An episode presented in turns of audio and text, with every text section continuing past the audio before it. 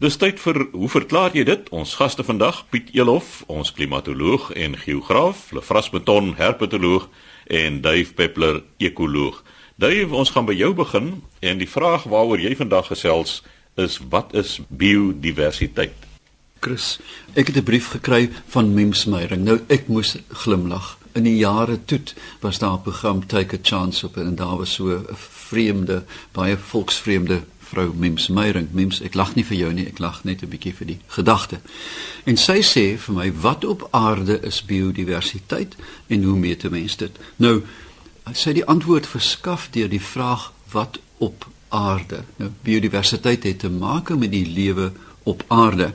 Nou daar is 'n paar definisies uiteraard en dit gaan oor metapopulasies en 'n hele klomp tegniese terme. Maar kom ons kyk in eenvoudige taal. Daar's onlangs 'n boek gepubliseer oor biodiversiteit deur Jansen en hy het toe 'n paar vooraanstaande ekoloë gevra wat hulle dink. Nou, Itlus, almal ken vir Itlus, het gesê biodiversiteit is die aantal spesies op aarde. Finished and clear, soos die Engelse sê, die aantal spesies op aarde van alles wat lewe. Jansen self het gesê dit is die pakket van gene, pakkette van gene soos hulle gevorm het deur darwinistiese ontwikkeling of geskep is as jy wil en dan waantoe hulle op pad is. Die pakket van gene die pakket van bevolkings spesies maar ook en dis my so lekker die interaksies tussen hierdie pakkette is deel van biodiversiteit. Met ander woorde simbiose ensovoorts. En dan het Ruy gesê dat uh, dis ook 'n mooi gedagte vir my dat biodiversiteit is die geskiedenis van die biologie. Al die dinosourus, al die voëls wat ons vandag nog in die hoenders het, die primate in onsself, alles op aarde met ander woorde die geskiedenis van alle lewe op aarde. Dan moet 'n mens dan ook dadelik hier uitvra wat is die waarde dan? Hoekom ag hulle of skat hulle dit so hoog? En daar het Rywin byvoorbeeld gesê dat biodiversiteit is die sleutel tot menslike welvaart. En 'n mens wil dit half glo daar is opgesluit in biodiversiteit hoeveel kure vir siektes, nuwe plante, nuwe kossoorte, nuwe dierspesies wat ons ongelukkig nou kan opeet of skiet of biltong van maak. Wilson, die bekende ou Wilson van die mure wat nog lewe wie hulle vras, die man is honderde jare oud. Wilson sê dat biodiversiteit is die smeltkroes van alle lewe want dit verander. Nou hy sê daar is in ons gene vasgelê 'n voordeel, 'n selektiewe voordeel vir oorlewing as ons biodiversiteit oppas. Nou, dit is nogal 'n interessante gedagte, né? Die wat nie omgee nie, kry Ebola en gaan dood. Ek sê dit nou nie ligtelik nie, maar die wat omgee, versorg die aarde en kry dan die voordeel daaruit. Nou ja, 'n mens moet nou begin dink aan hoe meet 'n mens dit? Ons weet nou dit is die som totaal die drukkoker van die lewe, die koraalriwe, die oerwoude, selfs onherbergsame plekke soos byvoorbeeld ysvelde. Nou om te kan meet moet 'n mens 'n bemonstringsmetode hê. Die wetenskap gaan oor dinge weeg en tel en opnames maak. En dan moet jy ook besluit wat jy wil. Jy kan nie alle lewe, jy kan nie die nematodes nie. So jy moet afleidings maak van die diversiteit byvoorbeeld van mure. As jy met 'n koraalrif werk van krappe ek gaan die diversiteit van krappe meet en dan gaan ek dit verder uitpak. Jy moet ook weet hoe jy dit gaan meet waar jy dit gaan meet die grootte van jou bemonstering hoeveel tyd gaan jy daaraan afstaan want dit bepaal die statistiese benadering. Ongelukkig het biodiversiteit te doen met hoe hoe wiskunde somme en matrises wat ek niks van weet nie. Dan versamel jy met 'n opname of fisies deur goggetjies en glasbotteltjies te gooi. Jy kry data daaruit deur die goedjies te weeg of te meet en dan moet jy dit organiseer. Jy weet ek, ek onthou in die ou dae aan die begin van rekenaars het studente gekom na 'n vriend van my toe met 'n reuse datastel, de mekaar spookasem en sê analiseer dit vir my. Dan sê hy wat wil jy weet? Jy moet weet voor jy met data kan werk. En dan stel jy dit bloot aan bekende statistiese jy kry die die Shannon indeks en jy kry die Simpson indeks al goed wat vir jou 'n indikasie gee van die rykdom van die omgewing wat jy bemonster het. Om dit verstaanbaar te maak meestal vir myself is vir my nogals een van die interessante metodes die sogenaamde SASS metode wat ontwikkel is om biodiversiteit in riviere in Suid-Afrika te bepaal die South African Standard System. Ek wil tog vir luisteraars vra om te gaan kyk na hierdie uiters elegante en baie maklike manier. Nou wat jy doen, ek doen dit gereeld met kinders en ook met groot mense, insluitend myself, is om vir jou 'n net te kry in 'n rivier met water wat loop en dan die habitats binne hierdie stroom te bemonster. Jy loop en agiteer die plante, rol 'n paar klippe. En dan kry jy 'n net vol organismes, 'n visie, 'n krappie, 'n nalekokerlarwe, sogenaamde eendagvliee. Henk sal nou baie van hierdie storie hou. En dan het jy 'n indeks, 'n stukkie papier wat gelamineer is en sê jy tel nie die organismes nie. Jy wil nie weet of daar vier krappe is nie, maar die teenwoordigheid van 'n krap gee vir jou 'n indeks van verstoring of van suiwerheid. Met ander woorde, as jy vleelarwes kry, het hulle 'n lae telling, 'n 1 byvoorbeeld op 'n skaal van 1 tot 10. As jy byvoorbeeld 'n eendag vliegnimf kry, is dit 'n 8 of 'n 9 want hulle kan net skoon water verduur. En so Binne 5 minute kan selfs 'n vlammende amateur 'n baie goeie idee kry van die biodiversiteit van die stukkie stroom wat hy mee werk. En ek dink dis 'n perfekte manier om ons kinders te leer hoe om om te gaan met opwinding, want dit is interessant en almal wil in die water rondplons en daar kry jy statisties geldige data wat jy dan 'n wetenskaplike afleiding mee kan maak. Dave, dit is vir my opmerklik dat jy biodiversiteit nou hierso uit 'n ekologiese oogpunt na kyk. Met ander woorde, biodiversiteit van 'n spesifieke habitat. Maar mens sou sekerlik ook kon kyk na biodiversiteit in 'n breë vlak verwyder van die habitat. Dit is waar ons in ek begin ek so iets gesê van metapopulasies, wat jy werklik op landskapvlak of 'n mens kan selfs dink in terme van bioomvlak. Ek dink jy kan dit uitrol tot kontinentale vlak. Jy kan sê die kontinent van Afrika in vergelyking met die kontinent van Suid-Amerika in terme van biodiversiteit. Maar die uitpak van hierdie afleidings begin gewoonlik op 'n plek. En dan weet jy ook in wat jy ek dink na mik, is dat jy verteenwoordigend moet bemonster. Jy kan nie sommer net die mure tel nie. Al wat ek wil wys daarop dat biodiversiteit een kontinent of eiland kan 'n hoë biodiversiteit hê as 'n ander en dit is nie noodwendige aanduiding dat die wat nou lae biodiversiteit het dat daar as gevolg van die mense impak is nie. Dis maar al wat uiteraard dit is hoekom ek die voorbeeld gebruik het van koraalrif en ysveld.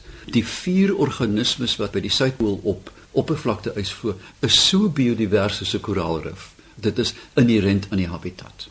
Dit is baie interessant Dave dat sekere organisme groep, ek wil nou nie sê diere of plante nie, is baie meer divers as ander groepe. In hierdie groep is ons weet die nematode is daar. Oeg. Ek dink die helfte van die spesies nog is ontdek nie. Dit is geweldige spesies diversiteit is baie hoog. Ander is weer laag en dit is eintlik baie interessant as mens daaroor navorsing doen. Wat is die oorsake van groot verskille in diversiteit by verskillende groepe? Hier is ek werklik op dun ys in die sin dat ek is nie 'n spesialis in die veld nie, maar 'n mens sal moet begin kyk is waar was die supersentrum van ontwikkeling van hierdie organismes wat baie divers is. En jy weet, ek verstaan dit self nie volledig nie, maar jy's doodreg. Dit het ook uiteraard te doen met trofiese vlakke. Jy weet hoe hoe meer primitief die organisme met die virusse, die nematodes, die swamme is reusagtig en dit bring ons lefras by een van my een van die treurigste afleidings wat 'n mens maak as jy die veld betree, is dat daar teen die huidige tempo van uitsterwing as gevolg van omgewingsverandering. Ek praat nie eens van klimaatsverandering nie. Is daar diere wat en organismes wat uitsterf voor ons hulle name gegee het? Jy verstaan. So ons kon hulle nie eers in hierdie formules betrek nie want hulle het nie name gehad. Ons het hulle nog nie eens ontdek nie en hulle is klaar weg. Dit is verblydend dat die tempo waarteen nuwe spesies beskryf word, het so geweldig toegeneem as gevolg van molekulêre tegnieke dat biodiversiteit is besig om te klim. Dit is ja. so opwaartse kurwe wat natuurlik vir ons nou goeie nuus is. Ja. Ek is jammer dit troos my nie veel nie Lefras, maar as jy byvoorbeeld kyk na Papua New Guinea, nou die National Geographic en van die ryk Amerikaners gaan elke jaar. Hulle kom elke jaar met sewe nuwe werweldiere terug. Weet in fragmente van woude, hulle het nou 'n nuwe boomkangeroe ontdek. Reekse paddas. Wat is 'n newt in ja, Afrikaans? Salamander. Watersalamander. Hulle kom met koffers vol nuwe goed elke jaar terug. Jy's reg. So, mims biodiversiteit kan gemeet word, maar ons meet dit by wyse van afleiding. En wat Lefras mooi uitgelig het is dat ons met biodiversiteit, kyk, die organismes in my naaltjie of in my wenkbrau is biodivers, want daar is seker 20 verskillende spesies goed wat skilvers eet of wat ook al. Ek gril my dood, maar hoe dit ook al sê, is dat ons kan dit meet in my wenkbrau, in my naaltjie, die oerwoud of die kontinent. En dit is by wyse van afleiding wat ons kan nie almal tel nie. Maar en die ander belangrike ding wat Lefras ook uitgewys het, is dat ons moet onthou dat 'n ysveld so biodivers soos 'n reënwoud kan wees met net 4 spesies. So sê Dave Peppler, ons ekoloog. Lefras, jy het 'n vraag ontvang oor mense se vrees vir spinnekoppe. Nou ja, daar's natuurlik baie fobies wat mense het. Ek persoonlik is vir 'n muis so bang soos kan kom. Ja, Chris, ek het 'n vraag van my buurvrou ontvang, Eloise Davies sy daar op 'n dag met 'n spinnekoppie in 'n bottel gekom en wil weet of dit 'n sakspinnekop is want sy het hom in haar kleinkind se beddegoed gekry en natuurlik is mens bekommerd.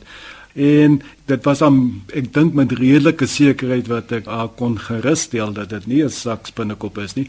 Maar ons het toe sommer so bietjie gesels oor spinnekoppe en vrees vir spinnekoppe en sy het gesê nee dis nie dat sy bang is vir spinnekoppe nie maar mense is mos nog maar versigtig.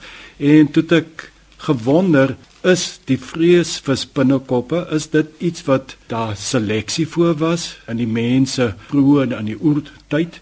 Want mense sou kon dink spinnekoppe baie van hulle is giftig. Natuurlik honderde is nie giftig nie maar daar is 'n klompie wat 'n gevaar kan wees. Dieselfde met slange. Mens kon dink dat dit dalk oormense dit tot hulle voordeel sou wees as hulle bang is vir slange.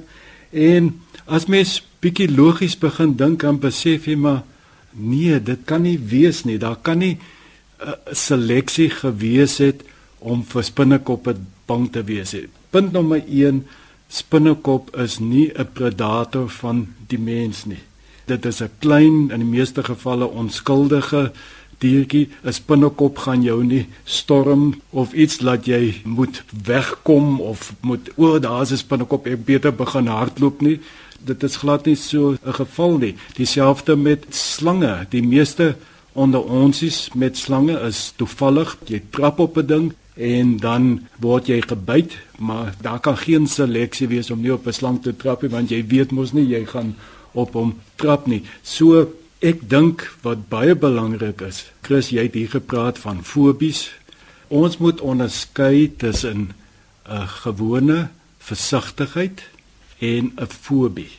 Nou daar's 'n groot verskil tussen die twee. So as ek reg verstaan wat 'n fobie is, dit is amper 'n angsaanval. Dit is 'n werklike fisiologiese sterk reaksie wat jy toon. Jy raak angstig en eintlik onredelik soos jy sê, onredelike angs. Terwyl versigtigheid of vrees is iets heel anders. Dit is net ons is versigtig as ons 'n slang sien, maar ons is nie laat ons onredelike reaksies gaan toon nie. En ek dink in die diere ryk in die algemeen is dit mos maar enige dier se behoud is om versigtig te wees. Reageer op prikkels of dit nou vuur is of dit enigiets is in die omgewing, dan moet hierdie versigtigheid wees. As jy kyk na mure hardloop en daar's 'n vlammetjie, behalwe nou motte kan soms baie dom wees, maar die meeste goed vlug weg as hulle agterkom en dit is nie 'n fobie vir vuur nie dit is maar net hulle natuurlike reaksies. En 'n ander ding wat my ook laat dink dat 'n uh, fobie of vrees vir spinnekoppe of vir enigiets dat dit nie 'n uh, evolusionêre basis het nie dit is nie iets wat ons in ons gene sit nie is net deur te kyk na hierdie lyste van fobies. Ek daag enigiemand uit op op die internet net fobia te gaan intik en dan 'n lys te kry en dan sien jy daar is fobie vir koelkaste. Daar's 'n fobie vir omtrent enige woord wat bestaan is daar 'n fobie. Lefras gaan kyk onder fobofobia, die vrees vir fobias. Presies. Nou van die fobies sou mens kon dink maar dit kan 'n 'n seleksie voordeel gehad het in die oertyd vrees vir hoogtes vrees vir wel enigiets wat jou lewe kan bedreig maar die vrees vir byvoorbeeld rooi 'n kleur of die vrees vir swart of die vrees vir blou of ja vrees vir water ja mens kan nou net 'n bietjie indink dit kan dalk iets wees maar die vrees vir blomme vrees vir katte vrees om te vlieg waar die oormense het mos nou nog nooit gevlieg nie. Hulle het hulle het gevlieg maar hulle het nie oorleef om hulle vrees oor te dra nie. ja, ja. So as mens net daarna kyk dan sou ek sê nee, die vrees vir spinnekoppe of slange kan nou hy twee in dieselfde asem noem wat giftige diere insluit of die fobie wat daaraan gekoppel is dit is maar net soos al hierdie ander fobies dit is 'n persoonlikheid dis 'n sielkundige aspek wat Elkeen van ons het sekere persoonlikheidseienskappe. Dit kan 'n genetiese basis hê, met ander woorde jou ma of jou pa het ook daardie fobie, maar dit het niks te doen met 'n seleksieproses wat plaasgevind het in die mense ontwikkeling nie. Ek dink hulle vras daar is ook 'n baie sterk kulturele element dat daar is kulture wat byvoorbeeld jy weet van hierdie stapel gek in North Carolina van die kerke wat daar sal take up serpents dans met ratelslange. Nou die kinders het geen vrees nie, alhoewel hulle maas en paas links en regs gebyt word en dood neerslaan. Hulle dans nog altyd. Jy kan 'n kind hysteries maak as jy begin skreeu oor 'n spinnekop. So daar's ook 'n aangeleerde komponent. Baie beslis dink ek die aangeleerde speel definitief 'n baie groot rol. As mens sou dink wanneer is die mens sê nou maar die oormens, wat is die mees gevoeligste stadium vir spinnekopbyt en slangbyt is tog juis kinders. Mense sou verwag dat kinders dan spesifiek hierdie vreesreaksies sal toon. En dan ook as daar 'n seleksieproses by betrokke was, dan sou mens verwag dat meeste mense almal hierdie reaksie sou toon, nie net enkeles wat nou bang is nie, want dit kan nie net 'n 1000 jaar of twee kan ons dit nie verloor het nie. Dit is geneties onmoontlik. Dan die ander ding is dat 'n slang of 'n spinnekop in die oertyd is 'n belangrike voedselbron gewees. 'n So lekker dik pofadder was 'n lekker klomp vleis. en as jy dit jou onsê klein omdat jy bang is, dan sou daar teenseleksie plaasgevind het. Die een wat die slang vang en eet, het mos 'n uh, seleksie voordeel. En spinnekoppe was deur baie mense geëet in die oertyd. Vandag nog in die ooste kan jy 'n mandjie vol diepgebraaide spinnekoppe. Ek glo my dood wat word van al daai haartjies tussen jou tande. Maar dit nou daar gelaat, maar ek dink Lefras wat jy sal saamstem mee is dat meeste organismes het 'n versigtigheid vir die vreemde. Ek het altyd vir die studente gewys jy sal onthou ons het duikers in grysbokke aangehou. Nou toe daar's Maria, die grysbok tuis in 'n hok. Sit 'n vuurtjie dosie daar neer wat sy nie ken nie en sy vries want dit is nuut daar is die genetiese ding is die versigtigheid vir die vreemde. Hulle vra die fobies. Ek vriendin wat verseker nie hou van spinnekoppe nie en ek wil dit amper so sterk stel as sy dat sy 'n fobie het daarvoor. En as 'n spinnekop en veral wat ons noem die reënspinnekop in die huis gesien word is dit 'n redelike konsternasie. En uh, sonder om name te noem sy het versoek dat hulle vensters almal fyn gasdraad kry sodat hierdie reënspinnekoppe nie wanneer hulle nou in die huis wil inkom dit reg kry nie. Dit is gewoonlik 'n bietjie van 'n konsternasie as so 'n spinnekop ingeglip het en teen die dak sit en veral as dit bo in die slaapkamer bed is dan is dit redelike bedrywige beweging daar. Mag ek nou rondborstig herken dat ek raak baie na aan hysteries oor spinnekoppe. Ek het 'n verskriklike vrees en ek het nou die dag in 'n gastehuis moes ek 'n besem vervang wat ek op 'n spinnekop gebreek het. Dit is so ek kyk nou na hierdie lang lys. Ja, ons moes seker gesê het arachnofobia.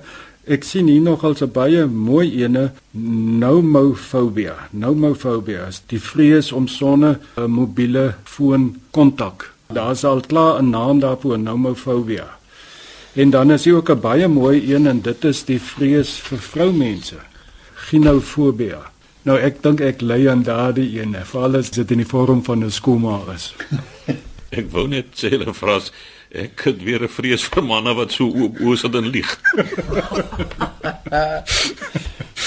So ek dink ja, net om af te rond, ek dink nie die vrees vir enigiets, veral hierdie dinge wat daar is. Ek is ook bang vir spinnekoppe het iets te doen met 'n vroeëre seleksieproses. Dit is maar net klein persoonlikheidsverskille tussen mense en daar's 'n een of ander sielkundige ding soos wat Dave gesê het, oordraging van kleins af wat ons leer by ons ma's en pa's, ek dink dit speel 'n groot rol met vrese wat ons in die latere lewe mag ontwikkel. So gesels Lefras Meton, ons herpetoloog, laaste aan die woord Piet Elof, ons klimatoloog en geograaf. Nou Piet, daardie brief wat jy ontvang het, dit is nou 'n luisteraar wat wil weet hoekom pak die reënwolke so mooi saam en dan net voor dit begin reën, dan kom daar 'n wind wat als wegwaai. En dis nogal opvallend hoe mense dit lees in die koerante as daar nou 'n droogte heers in 'n sekere area, hoe gereeld die reënwolke saampak en dan op die ou end kom daar niks van nie. Ja, Chris, ek het 'n brief gehad, soos jy sê van Corlia Creer af en sy sê hoekom is dit so dat hier waar ons bly in die Noord-Vrystaat as die wolke so mooi toetrek en alles lyk belovend dat dit kom reën, dan sê sy hier dat 'n vieslike wind sommer van eers afkom om die bewolking weg te waai. Na 15 of 20 minute bak die son om mense half dood. Dit het ons al letterlik honderde kere beleef, miskien al 1000 keer. En ons sou so graag wou weet hoekom dit so is. Nou Collia, dis moeilik om so uit die uit te antwoord op julle probleem en as ek verwys na die probleem is in, in aanhalingstekens. Uh mense moet seker eers kyk na sinoptiese kaarte van die dae toe jy die verskynsel ervaar het. Nou, ek het geen datums nie met ander woorde ek moet 'n bietjie veralgemeen oor wat moontlik kon gebeur het. Nou oor die algemeen moet ons kennis neem van die weerstelsels wat reën bring oor ons land, verskillende dele van die land. En uh, hier is veral 'n paar belangrike stelsels ter sprake. Ons kan lank gesels oor winter en somerstelsels wat oor die land voorkom. Waar jy woon is myns insiens hoofsaaklik 'n somerreënval gebied. Met ander woorde, bedag skyn die son warm, die lug sit uit, raak minder dig, styg, koel af en wolke word gevorm. Heeltemal reg soos wat julle opmerk, tipies wat in ons binneland in die somer gebeur. Nou, as die lug styg vanaf die oppervlak, word dit aangevul deur lug wat van die omliggende omgewing invloei. Lug kan nie net styg en dan 'n vakuum los nie. So wat ons dan ervaar dikwels so voor 'n donderstorm is dat daar redelike sterk winde voorkom wat nie noodwendig altyd jou weerstelsel gaan wegwaai nie, maar die wind die ervaring dan. Dit mag egter wees dat ons hier breër of groter weerstelsels het wat ook ter sprake is en elkeen van hierdie weerstelsels het natuurlik spesifieke windrigtings wat dan so 'n plaaslike stelsel wat deur die loop van die dag by julle ontwikkel het dan oordonder en julle mooi weer en as ek verwys na mooi weer, dan bedoel ek nou die wolke wat vir julle mooi is omdat julle verwag dat dit nou gaan reën.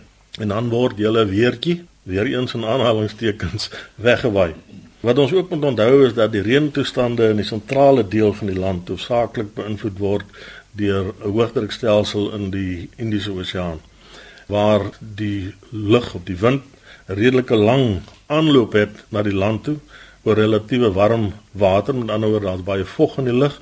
Dit word dan oor die land ingevoer en as daar tydens die somer sulke warm dae voorkom, dan gee dit aanleiding tot hierdie tipiese donderweer toestande wat daar ontwikkel.